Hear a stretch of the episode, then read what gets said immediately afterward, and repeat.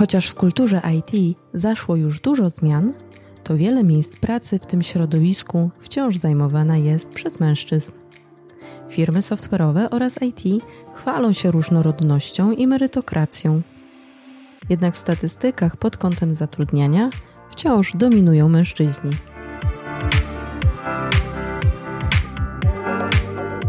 Co jest głównym powodem, który stoi za mniejszą liczbą kobiet w IT? Co sprawia, że mniej kobiet decyduje się na studia na uczelniach technicznych oraz jak tę sytuację odmienić? A także co firmy robią, aby zachęcić kobiety do pracy w IT? Nazywam się Dominika Nawrocka, a Ty słuchasz podcastu Między innymi audycji Capgemini Polska poruszającej trendy i wyzwania współczesnego świata.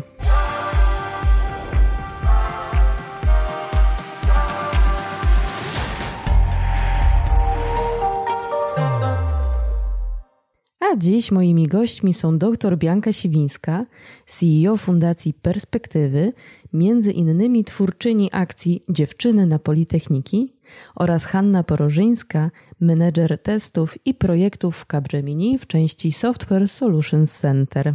Hania, zacznijmy od Ciebie. Jaka jest Twoja historia? Mm, jaką drogę przebyłaś, aby znaleźć się w tym miejscu, w którym jesteś obecnie? Tak naprawdę to wszystko się zaczęło gdzieś tam przed studiami, kiedy zdecydowałam się na studiowanie informatyki na Politechnice Szczecińskiej.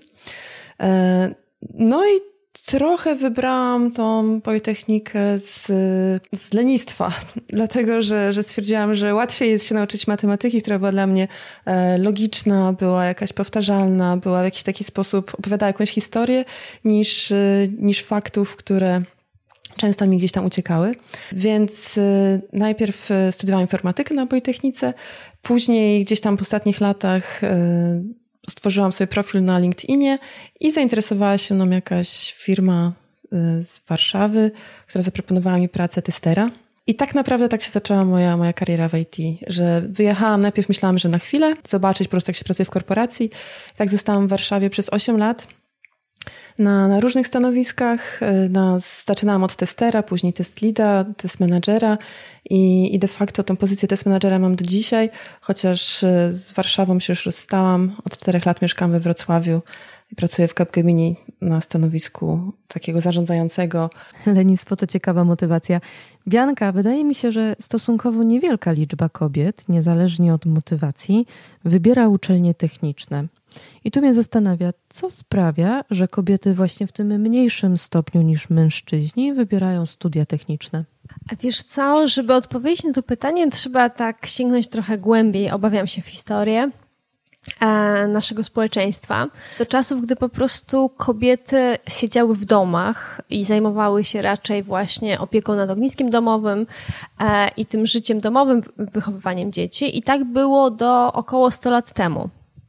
No i właśnie 100 lat temu e, kobiety zaczęły się emancypować, świat jakby dorósł do tej wielkiej zmiany, e, zaczęły studiować na uczelniach, zyskały prawo do głosowania i właściwie od tamtego momentu e, liczymy taki, taki proces, taką zmianę, że te kobiety faktycznie wyszły z domów i zaczęły wchodzić w różne obszary życia zawodowego i najpierw takie bardziej, powiedziałabym, miękkie, E, prostsze, jeżeli chodzi o barierę wejścia, a na samym końcu w te obszary takie najbardziej hermetyczne, czyli obszar biznesu, polityki i technologii. To są takie trzy obszary, z którymi jest największy problem. Ten udział cały czas nie jest równy kobiet. I o ile jeszcze w biznesie i w polityce ten próg wejścia nie jest taki wysoki, bo właściwie nie trzeba mieć jakiegoś takiego konkretnego, kierunkowego przygotowania do tego, aby robić karierę e, przedsiębiorczą czy polityczną, e, to jeżeli chodzi o technologię, e, to wykształcenie kierunkowe jest, jest bardzo ważne. I dlatego, jeżeli te kobiety, młode dziewczyny właściwie nie wybierają go, jak są małe, no to potem też bardzo mało kobiet jest już w tym tak zwanym pipeline i też trudno, żeby tutaj jakaś taka zmiana szybka następowała. E, my prowadziliśmy e, badania różnego rodzaju nad tym, dlaczego dziewczyny nie wybierają lub wybierają kierunki techniczne i ścisłe tu i teraz, już nie sięgając do historii, co nimi powoduje. E, no i wyszło nam, że właściwie tylko te maturzystki, które w swoim otoczeniu bezpośrednim w rodzinie e, zazwyczaj mają przykłady kobiet, które zrobiły karierę w tych obszarach inżynierskich, technicznych, ścisłych, naukowych, e, potem taką ścieżką podążają. Czyli strasznie ważna jest taka inspiracja czerpana z bezpośredniego otoczenia. E, I tutaj dochodzimy do takiego braku wzorców, braku inspiracji. E, jeżeli tej inspiracji nie ma, jeżeli młode dziewczyny nie poznają historii kobiet, które z sukcesem stworzyły coś w obszarze technologii, IT, programowania, etc., etc., to potem jest im bardzo trudno sobie siebie w tym wymyślić i po prostu w tą stronę nie idą. Teraz zrobiliśmy e, takie badanie kobiety w technologiach 2020 świeżutkie. Tutaj wyszło nam, e, że właściwie e, jest tak, że to ta inspiracja po prostu do nich nie dociera, tak, że tego brakuje i ta inspiracja właśnie jakby barierą jest ta inspiracja domowa. I dopóki nie zrobimy tak, że ta inspiracja nie będzie tylko inspiracją rodzinną, to będziemy się w takim e, kręgu e, zamkniętym kręcić, że tylko te dziewczyny, które miały w rodzinie kogoś, kto poszedł ścieżką inżynierską, idą dalej tą ścieżką, no to nigdy, nigdy jakiejś takiej masy krytycznej, potrzebnej do zmiany branży technologicznej, no nie osiągniemy. To faktycznie jest bardzo ważne, jak wychowywujemy dzieci. Wiecie co, ja myślę, że ten podcast mogą słuchać dziewczyny, które są na progu wyboru swojej ścieżki zawodowej, a dwa rodzice, którzy mogą myśleć o rozwoju swoich dzieci. I tu pytanie: jeżeli nie mamy w swoim otoczeniu wzorców związanych ze światem technicznym, to co wtedy? To jest wyzwanie, prawda? Tak, tak, bo ja w ogóle pierwszy raz słyszę o tych, o tych badaniach i jestem teraz w szoku, że ja tak pasuję sobie do tego wzorca, bo e, dokładnie tak było, że, że moja babcia studiowała ekonomię, moja mama studiowała automatykę na Politechnice i, i tak naprawdę od małego ja słyszałam o tym, że ta matematyka, logika to są fajne rzeczy, to są rzeczy, które są proste, przyjemne i, i właśnie w ten sposób byłam wychowana. A z kolei, jak przed jak patrzyłam na moje koleżanki, to widziałam też sporo takich antywzorców, czyli na przykład, że mama potrafiła powiedzieć do mojej koleżanki, że a to jest matematyka, ja zawsze byłam z niej słaba, ty też pewnie jesteś, będziesz z niej słaba, bo będziesz miała to po mnie.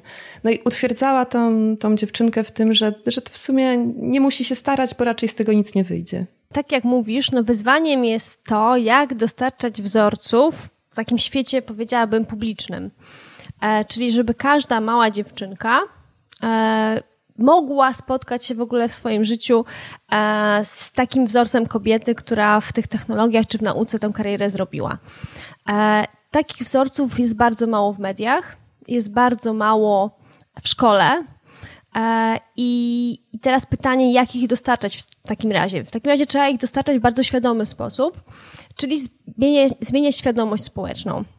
Ja mogę podać, jak na przykład to robi moja organizacja, Fundacja Edukacyjna Perspektywy. Więc my mamy taki bardzo sprytny program, nazywa się IT for She. I w ramach tego programu, między innymi, bo on ma kilka części, ale między innymi zapraszamy studentki kierunków informatycznych, żeby w lato pojechały do małych miejscowości i wsi, niewielkich, e, i tam przez tydzień uczyły dzieci o technologiach, o programowaniu, o robotyce, żeby pokazywały dzieciom z podstawówek, e, co to jest, dlaczego to jest interesujące i budziły zachwyt dla tych technologii. E, I teraz jakby one uczą i chłopców, i dziewczynki. Wszystkie dzieci, które są zainteresowane, mogą za darmo wziąć w tym udział, ale to, co jest sprytne w tym programie, to jest to, że w roli tego nauczyciela, e, tej osoby, która zna się na technologiach, która umie to wszystko połączyć, wytłumaczyć, występuje zawsze dziewczyna. E, I to w pewnym sensie no, e, jest propozycją, jak to rozwiązywać. Czyli pokazujemy kobietę w tych małych społecznościach, bardzo tradycyjnych często, pokazujemy kobietę w roli eksperta technologicznego. To nie musi być wielka gwiazda, która, nie wiem, zrobiła jakieś przełomowe odkrycie, czy wielka prezeska firmy technologicznej, to wystarczy, że to jest studentka IT, która tam po prostu pojedzie, one, te dzieci ją zobaczą, poznają i będą się mogły inspirować. I w taki prosty, sprytny sposób można te wzorce zmieniać, można coś nowego proponować. Jeżeli my w ciągu takiego jednego sezonu wolontariatu jesteśmy w stanie pracować z czterema tysiącami dzieci, to to naprawdę buduje zmianę. To nie jest jedyne takie działanie oczywiście, natomiast to jest przykład E, w jaki sposób świadomie można te wzorce zmieniać i dostarczać tej zewnętrznej inspiracji e, dziewczynkom, które po prostu być może akurat taką drogą, jak nasza tutaj współ, mówczyni no nie miały szansy pójść i potrzebują czegoś z zewnątrz. Haniu, czy ty brałaś udział, bądź też bierzesz udział w tego rodzaju spotkaniach? Czy jako uczestnik, czy też może po tej drugiej stronie, jako osoba opowiadająca o świecie IT? Tak, jak najbardziej. Mamy różne programy, one są dedykowane też, e, też tak jak w przypadku programu Bianki, i zarówno do mężczyzn, i do kobiet. E, ale są też dedykowane takie specjalnie dla kobiet. Na przykład jest Girls Who Test, to jest akurat testing, to jest obszar, na którym, którym ja się specjalizuję, więc y, występowałam dla tej grupy kobiet, żeby można było z nimi porozmawiać, mm, coś im przedstawić. Są inne inicjatywy, w których już niekoniecznie brałam udział, ale, ale są zrzeszenia kobiet, gdzie, e, gdzie właśnie możemy się nawzajem inspirować, uczyć od siebie i, i sobie się wspierać i sobie pomagać. Tak, te inicjatywy są zewnętrzne, ale są również wewnętrzne. W Capgemini na, ten, na, na przykład jest wewnętrzny program Women at Capgemini, który właśnie zrzesza osoby, dziewczyny pracujące w naszej firmie w IT, w ramach którego są liczne spotkania i warsztaty. Bianka, czy, czy znasz podobne inicjatywy albo może jakieś inne, e, inne przykłady, kiedy firma wspiera kobiety na ścieżce kariery w IT? Ja myślę, że to jest strasznie ważne właśnie, że e, czasami e, możemy się dziwić, dlaczego kobiety potrzebują jakichś swoich specjalnych spotkań i czy to jest w ogóle normalne. Czasami można się zacząć zastanawiać, e, bo przecież to tak w przyrodzie nie występuje, że nagle jest gromada kobiet technologicznych i one ze sobą rozmawiają. Natomiast jeżeli spojrzymy tak bardziej społecznie e, i kulturoznawczo, no to zobaczymy, że mężczyźni w sposób bardzo naturalny się, że tak powiem, gromadzą, organizują, spotykają się poza godzinami pracy, spędzają ze sobą czas, potrafią to robić, potrafią się też wzajemnie wspierać. E, kobiety w jakimś sensie się tego uczą i dlatego nie ma nic złego w tym, żeby miały swoje własne, specjalne spotkania, gdzie też między innymi adresuje się problemy, które są specyficznie, że tak powiem, dotyczące tej grupy, e, specjalne wyzwania, z którymi kobiety właśnie w technologiach się mierzą. I jakby jest okej, okay, że są spotkania ogólne, są spotkania szczegółowe i jakby jak najbardziej też ważne jest, żeby kobiety spotykały się we, w swoim gronie i żeby budowały takiego różnego rodzaju wzorce współpracy, e, wspierania się, kooperacji i też pracowania razem, robienia razem pewnych rzeczy, e, to bardzo dobrze e, wpływa na to, żeby tą świadomość społeczną też zmieniać i zmieniać sytuację kobiet w technologii. Ja też właśnie, też się nad tym zastanawiałam, czy potrzebujemy takich, takich dedykowanych grup, czy to nie jest jakieś takie na siłę albo właśnie nienaturalne. I tak naprawdę dopiero w momencie, kiedy się spotkałam z dziewczynami z Girls Who Test, zrozumiałam, że to jest ogromna różnica, żeby stworzyć właśnie takie bezpieczne miejsce, takie bezpieczne miejsce, gdzie nie jesteśmy oceniane, gdzie nie ma głupich pytań, gdzie możemy porozmawiać z kimś, kto być może przyszedł tą samą drogę, no bo jednak e, ten próg wejścia jest dla nas trochę inny i te pytania są trochę inne niż na, na takich ogólnych spotkaniach. Więc faktycznie to są bardzo fajne przedsięwzięcia i bardzo takie inspirujące. Tak, a z drugiej strony jest też coś takiego, że nawet jeżeli mówimy już o takim spotkaniu stricte merytorycznym, na przykład o różnych technologiach, już konkretny content, tak? E, to też rzadko w tych rolach wykładowców, czy ludzi od TechToku, czy warsztatowców możemy spotkać kobiety.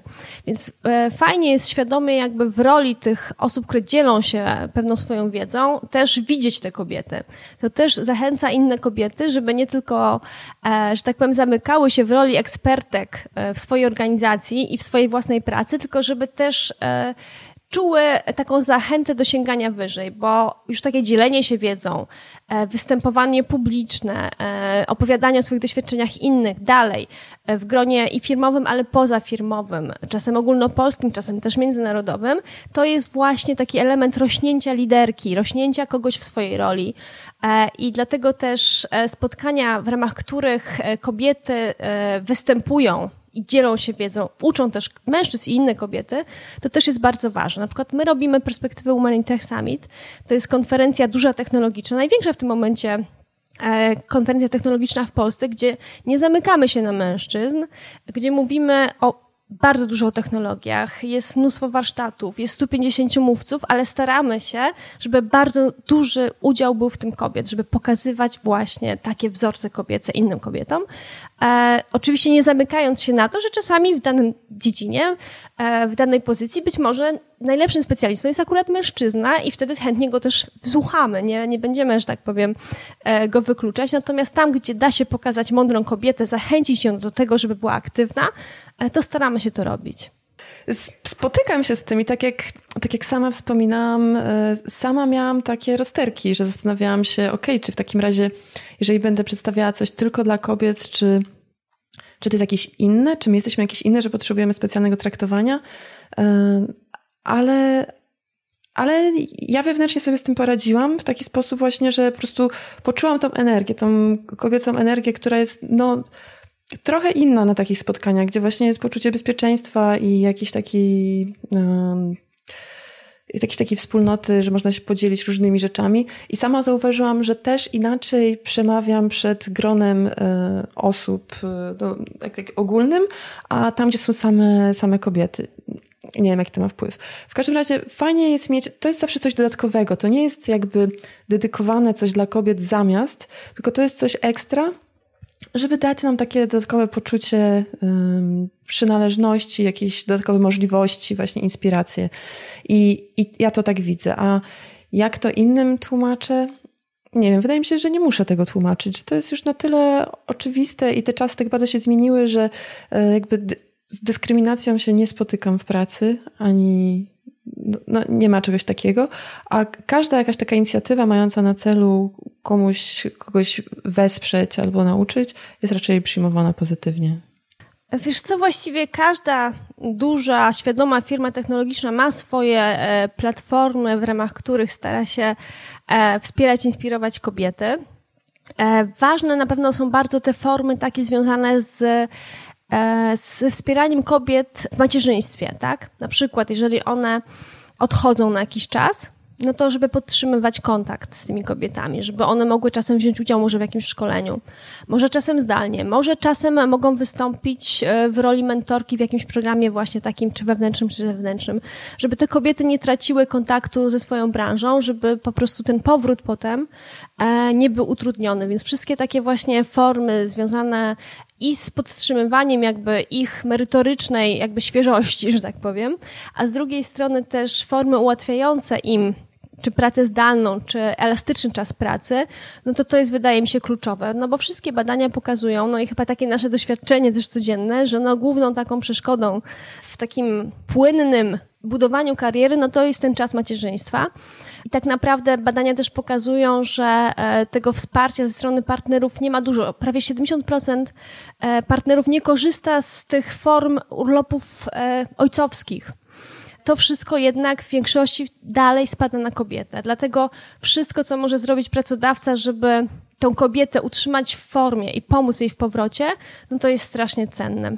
A wiesz, to, to ciekawe. Ostatnimi czasy widzę, że pojawił się e, trend, w którym to organizacje czy firmy wprost zachęcają panów, ojców w zaangażowanie się ten, w ten czas na urlopach tacierzyńskich. I myślę, że to jest e, bardzo ciekawy kierunek, w którym przecież wszyscy korzystają. Mama, tata i samo dziecko. No i to jest cudowne to jest strasznie ważne, żeby ten wzorzec zmieniać właśnie, tak, żeby ten ojciec był dumny z tego, że e, na, na równi uczestniczy jakby w tym wyzwaniu wychowania i opieki nad dzieckiem.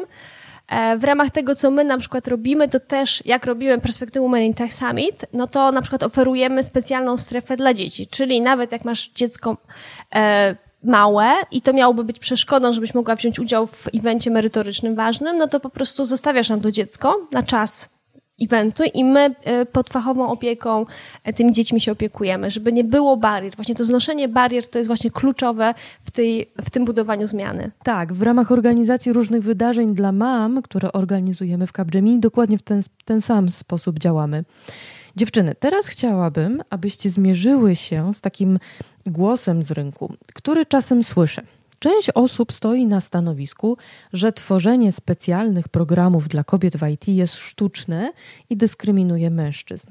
A jeszcze dalej idąc, spotkałam się też ze stanowiskiem niektórych pań zatrudnionych właśnie w IT, że tego typu akcje powodują, no można powiedzieć, że czują się jak taki rzadki okaz w zoo.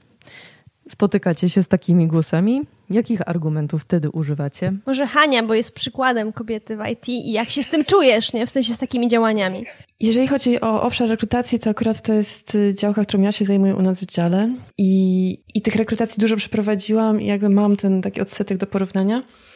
Więc U nas nie ma to najmniejszego znaczenia, żadnego. Patrzymy na kompetencje, patrzymy na doświadczenie, patrzymy na to, co dana osoba sobą reprezentuje.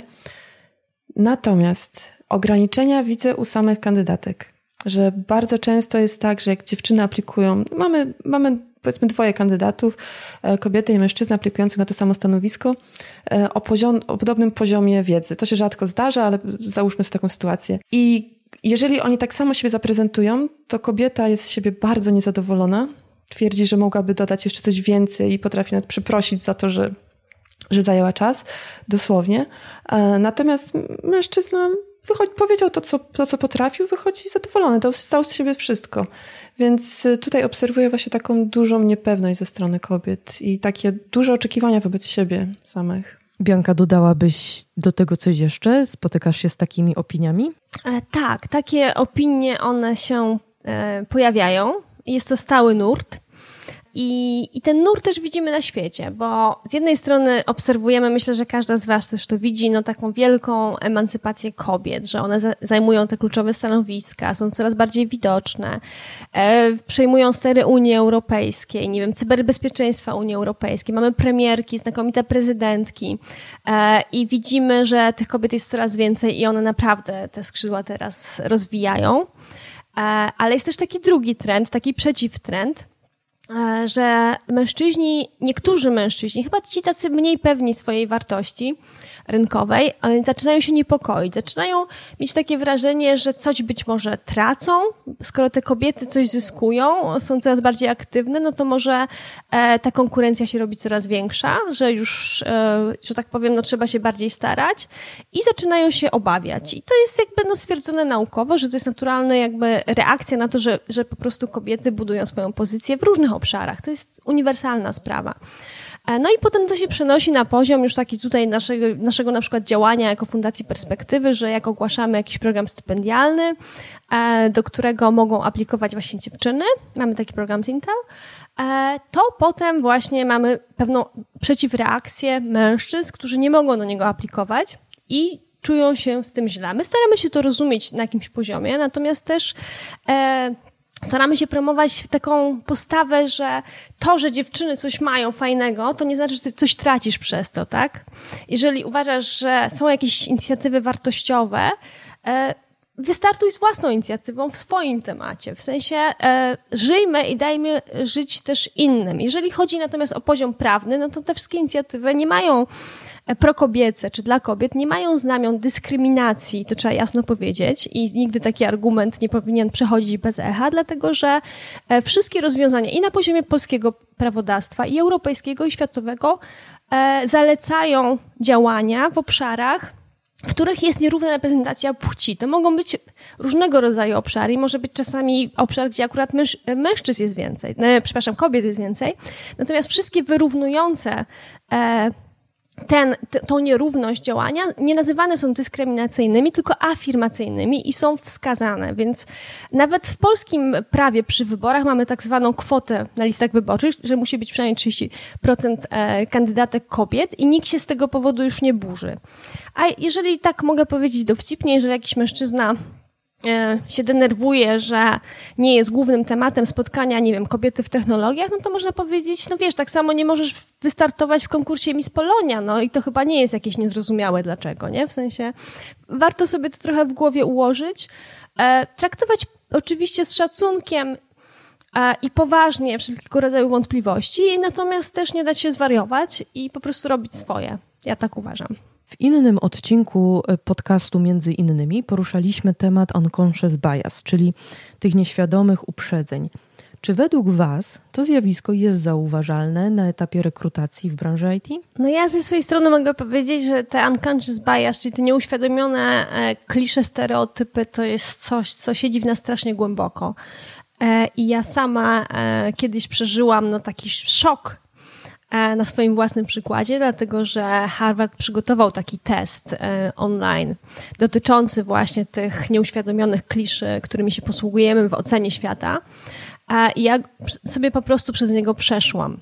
No i się okazało, że ja, która tutaj na sztandarach, że tak powiem, e, te kobiety i to równouprawnienie i żeby wszystko było dobrze i żeby wszyscy mogli realizować swój potencjał, wydaje mi się super świadoma, ja przeszłam przez ten test i okazało się, że sama jestem pełna po prostu tych kliszy. E, dlaczego tak się okazało? Dlatego, że ten test, on nie patrzył na prawidłowość odpowiedzi, tylko on patrzył na czas odpowiedzi. I momenty, gdzie się wahaliśmy, bo coś nie było oczywiste, na tym poziomie takim właśnie nieuświadomionym, takiego e, jakby czegoś, co jest wdrukowane w nas bardzo wcześnie społecznie, nad czym nie do końca potem mamy kontrolę tak naprawdę, to cały czas tam funkcjonuje. I cały czas kobiety nie kojarzą nam się z prestiżem, nie kojarzą nam się z mądrością, e, nie do końca kojarzą nam się z odpowiedzialnością i nie bardzo widzimy te kobiety w tych rolach wyeksponowanych kluczowych. E, nawet jak, jak świadomie wydaje nam się, że widzimy. E, więc jeżeli mówimy, że te klisze są na aż tak głębokim poziomie, wdrukowane w nas, w, ka w każdego prawie zaryzykowałabym, no to te klisze też przechodzą potem na różne poziomy. A jeżeli chodzi o rekrutację, no to one też tam istnieją. Nie mówię, że w Capgemini, tylko mówię o wielu eksperymentach, które były robione, kiedy e, starano się na przykład dawać śle ślepe E, próby, kiedy e, podstawiano tożsamość męską za kobiecą, sprawdzano jak to się sprawdza, no i okazywało się właśnie, że zawsze, no, tak wychodziło w tych badaniach, że zawsze kobieta jest oceniana merytorycznie gorzej, niezależnie od, że tak powiem, faktów. Po prostu te nasze, te nasze niestety e, społeczne E, społeczne rozumienie tak działa i trzeba strasznie z tym walczyć, dlatego że jak wiemy też potem te same klisze, te same sposoby rozumienia świata przekazujemy na przykład do algorytmów sztucznej inteligencji, która na przykład też wspiera rekrutację. I to dalej idzie i po prostu e, strasznie trzeba z tym walczyć. I takim pierwszym chyba momentem jest takie uświadomienie sobie, że to jest aż tak rozpowszechnione. Jak to już zobaczymy, to, to już jest pierwszy krok do, do tego, żeby zacząć to zmieniać. Myślę, że to, co mówicie, to kolejny argument na to, że warto pokazywać wzorce kobiet, czy w wewnętrznych inicjatywach, czy też w zewnętrznych. Bianka, wracając do tego testu, czy ten test można łatwo wygooglować? Tak, to wystarczy Unconscious Bias Harvard i po prostu można go sobie zrobić bodajże nawet za darmo. Tak, dziękuję. Ja właśnie chciałam nakłonić naszych słuchaczy do zrobienia tego testu, bo pewno u wielu osób mogą wyjść wyniki, które się okażą E, dość ciekawe. Ja na pewno zrobię. Według raportu No Fluff Jobs, e, raport Kobiety w IT z 2020 roku, około 30% wśród wszystkich zatrudnionych w tej branży stanowią kobiety. Według Was to dużo czy mało? Znaczy, wiesz co, ja musiałabym się trochę wczytać w ten raport bardziej i zobaczyć na jakich stanowiskach przede wszystkim, bo nie wierzę, żeby to były deweloperki i żeby to były osoby na stanowiskach e, stricte technicznych, bo jakby, no, studentek na, na informatykach jest tylko 14,6%, E, I, I w branży tak mniej więcej jest kilkanaście procent tak naprawdę na tych kluczowych, znaczy na tych stanowiskach, o których nam chodzi, czyli tych takich naprawdę koja e, kojarzących się z twardym e, IT. Nie wiem, co Hania o tym myślisz? No, dane z tego raportu pokrywają się mniej więcej z tym, jaki mamy odsetek kobiet i mężczyzn w Capgemini, tutaj w, tym, w tej frakcji wrocławskiej, gdzie tworzymy software, czyli to jest taka właśnie bardziej techniczna część tworzenia programowania. Natomiast rzeczywiście różnie to się układa na różnych stanowiskach. Na przykład prawie y, mamy parytet, prawie mamy porówno, jeżeli chodzi o stanowiska takie jak testerzy, analityczki, też y, project managerzy, czyli zarządzający kobiety. Natomiast te stricte takie powiązane już z kodowaniem, no to faktycznie wtedy ten, ten rozjazd jest większy. Czyli 30% to dużo. Warto zobaczyć na to, co wchodzi w ten procent. Tak, Bianko? Trzeba spojrzeć troszkę bliżej, co konkretnie pokazujemy. Natomiast to 30% to też daje nadzieję, no bo, e, no bo prawda też jest taka, że e, no sporo kobiet e, dołącza do branży spoza jakby wykształcenia stricte IT, tak? Czyli, że sporo kobiet na późniejszym etapie życia zaczyna się uczyć programowania. One raczej nie wejdą na jakiś bardzo wysoki stopień wysublimowania kodowania, natomiast e, one mogą tworzyć bardzo wartościowe, wartościowych pracowników wspierających na różnych poziomach ten proces. Także wydaje mi się, że no, jesteśmy świadkami pewnej zmiany, bo nawet jak patrzymy patrzymy na to nieszczęsne 14,6% studentek informatyk, ale jak spojrzymy e, na inne, na inne na kryterium, czyli popatrzymy na tempo przyrostu tej liczby studentek informatyk, to ono jest dwa razy szybsze niż studentów. Także widzimy, że coś się zmienia i że idzie to w dobrą stronę i że taki nowy trend jest na rynku, że faktycznie e, kobiety bardzo się tym obszarem interesują i jakby i więcej, tak jak mówię, uderza, uderza e, już e, po maturze na takie studia stricte, no i więcej też z różnych innych punktów systemu, z różnych innych obszarów kariery e, dołącza. Także mam nadzieję, że to się będzie e, zmieniać i to 30% będzie się zmieniało w 50%, e, z czego 30% to właśnie na, na stanowiskach stricte technicznych. No dobrze, a jak chodzi o menedżerów, czyli kobiety, które zajmują stanowiska kierownicze, jaka tu jest sytuacja? Jest dużo takich pań?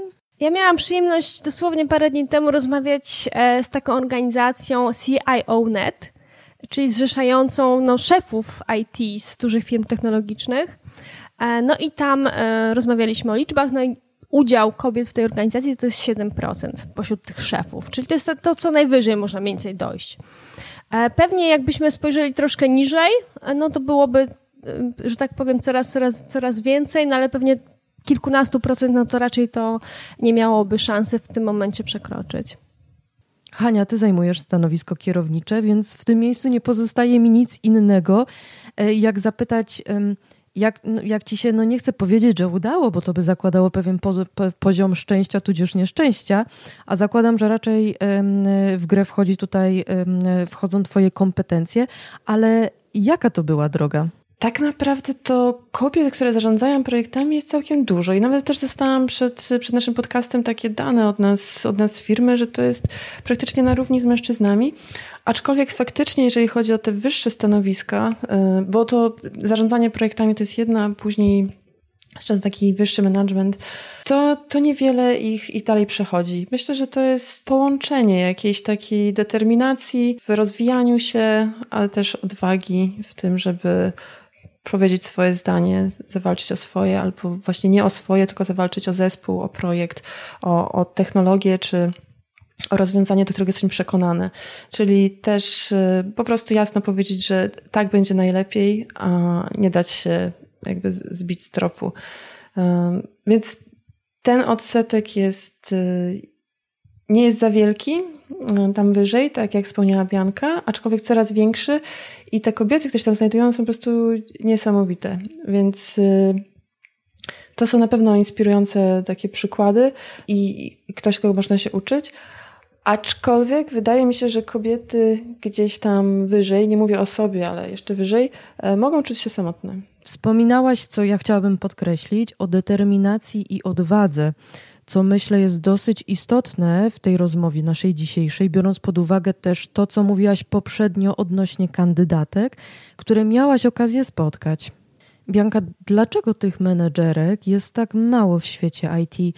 Czy mamy tutaj znów do czynienia z unconscious bias, czy może coś jeszcze innego wchodzi w grę? Ja tradycyjnie odwołam się do badań, a, konkretnie do tego naszego najnowszego raportu Kobiety w technologiach 2020, e, bo on dokładnie bada ścieżki kobiet w technologiach. E, nie tylko w IT, no ale powiedzmy, że możemy to jakoś zawęzić do IT.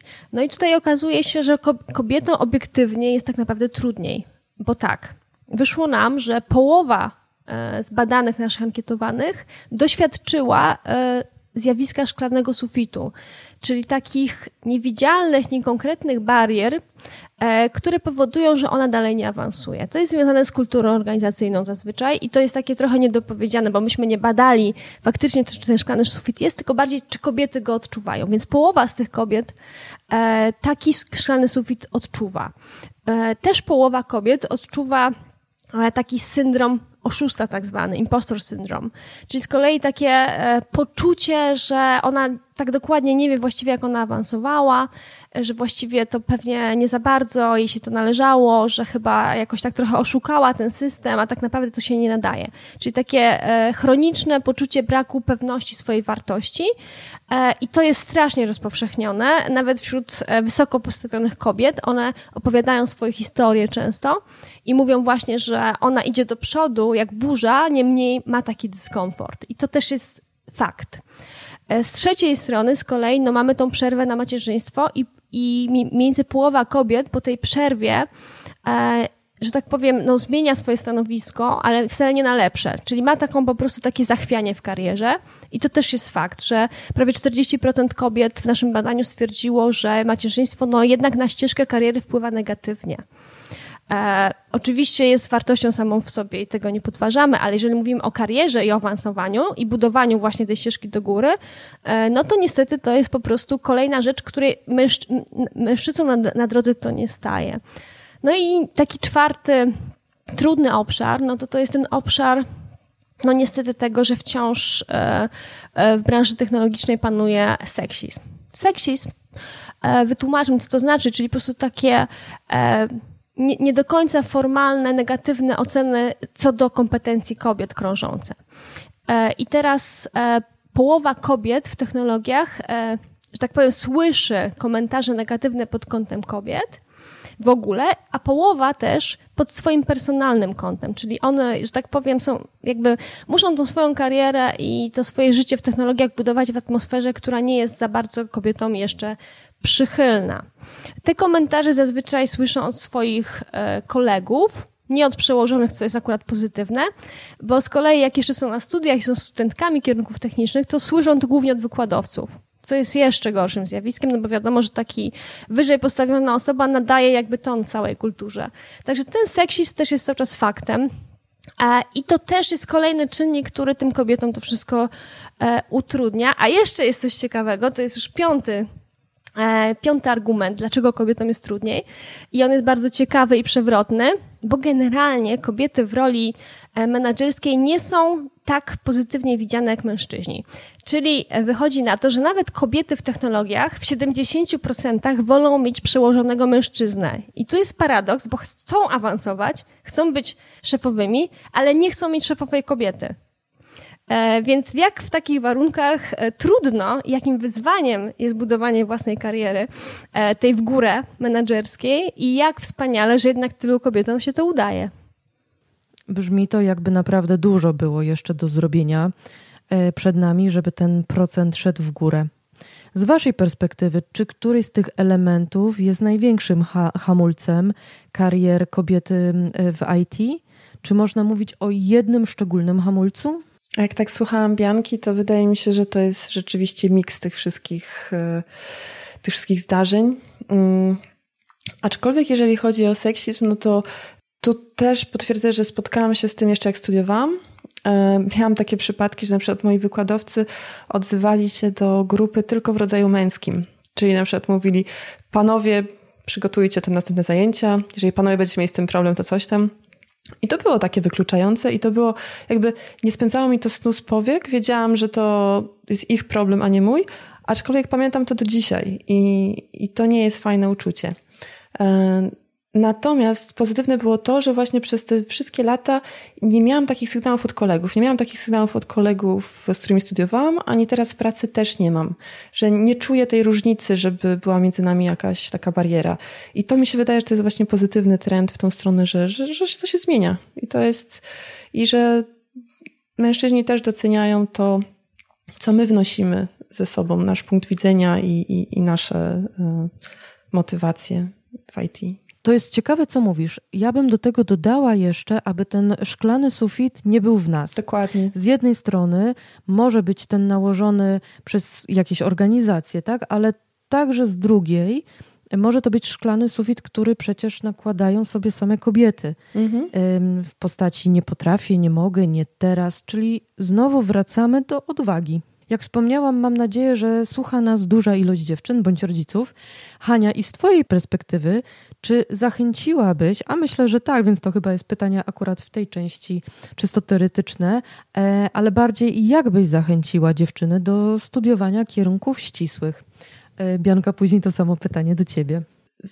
Zdecydowanie poleciłabym wszystkim dziewczynom kierunki ścisłe i późniejszą karierę i pracę w IT, czy, czy w innych jakichś takich technicznych obszarach, e, z tego względu, że mm, jest to niezła zabawa. Mamy wpływ na to, jak, jak tworzy się e, czy na przykład w moim przypadku oprogramowanie, które dyktuje trochę teraźniejsze trendy, teraźniejszość, to jak, jak używamy, jak żyje, jak używamy niektórych y, narzędzi, jak, jak się zmienia życie przez to, że no, chociażby w teraźniejszej sytuacji z koronawirusem e, przechodzimy bardziej do świata online i będąc w tych takich technologicznych tematach mamy na to wpływ, mamy też wpływ na to, jak to się kształtuje. Poza tym praca w IT jest y, bardzo perspektywiczna, jest duże zapotrzebowanie na nią, daje y, samodzielność, niezależność. W sumie tyle. Ja może powiem tak, że E, oczywiście nie, nie wszyscy jesteśmy tacy sami i takie same, także nie wszyscy musimy e, do tych technologii iść i świat na, no jest na tyle cudowny i różnorodny, że e, różnego rodzaju zainteresowania i pasje są potrzebne, żeby on dobrze funkcjonował. E, natomiast bardzo ważne jest to, żeby nie było sytuacji, w której e, dziewczynka, która ma inklinacje i ma zdolności e, związane z kierunkami technicznymi ścisłymi, nie miała szansy ich odkryć i rozwinąć. I taki świat no, staramy się też tworzyć w naszej organizacji, ale też w bardzo wielu innych. Świat, w którym po prostu ta inspiracja stemowa, jak to się mówi, jest po prostu dostępna dla wszystkich w równym stopniu i nie wyklucza się kogoś z tego bezrefleksyjnie. E, a jak już taka dziewczynka, że tak powiem, trafi na tą inspirację, no to e, ta kariera, którą potem można budować, jest wspaniała, dlatego że kierunki techniczne i ścisłe e, rozwiązują bardzo realne problemy, z którymi borykamy się na co dzień i zmieniają świat i jakby no, tworzą wspaniałe rzeczy. E, i możliwość uczestniczenia w tym i takiego właśnie e, aktywnego budowania pewnych rozwiązań wydaje mi się, że no jest, jest jedną z najpiękniejszych. E, I do tego jeszcze jest to obszar, który jest teraz bardzo, bardzo potrzebny. Cały świat się digitalizuje. Jeszcze pandemia koronawirusa ten proces no, strasznie przyspieszyła. Właściwie w każdym obszarze są potrzebne rozwiązania IT. I jakby jest bardzo potrzebna bardzo wielka rzesza ekspertów, ekspertek w tym obszarze, którzy muszą razem, razem tworzyć te rozwiązania. Mężczyźni sami no, e, niczego już takiego e, e, bardzo innowacyjnego nie wymyślą. Potrzebujemy różnorodności, potrzebujemy różnych e, perspektyw, sposobów widzenia. Kobiety bardzo dużo nowego w to wnoszą e, w tych obszarach, które wcześniej nie były zaadresowane. E, i mogą też jakby tworzyć rozwiązania na problemy stricte kobiece na przykład, tak? Trudno jest mężczyznom wczuć się w rolę kobiet. Także e, pod tym kątem tego, co możemy tworzyć, jaki możemy mieć wpływ na losy świata, ale też pod kątem ciekawej, intratnej, e, że tak powiem, atrakcyjnej ekonomicznie kariery, z możliwością pracy w bardzo wygodnym, mi, e, miłych warunkach, z możliwością kariery międzynarodowej, też globalnej, to są właśnie technologie. Także myślę, że dużo kobiet już to rozumie i że obserwujemy właśnie no, taki nowy trend wielkiego zainteresowania kobiet informatyką, kodowaniem, programowaniem. Idzie nowe. I tym pozytywnym akcentem chciałam Wam bardzo podziękować za tą jakże ciekawą rozmowę. Dziękuję. Dziękuję bardzo. Dziękujemy.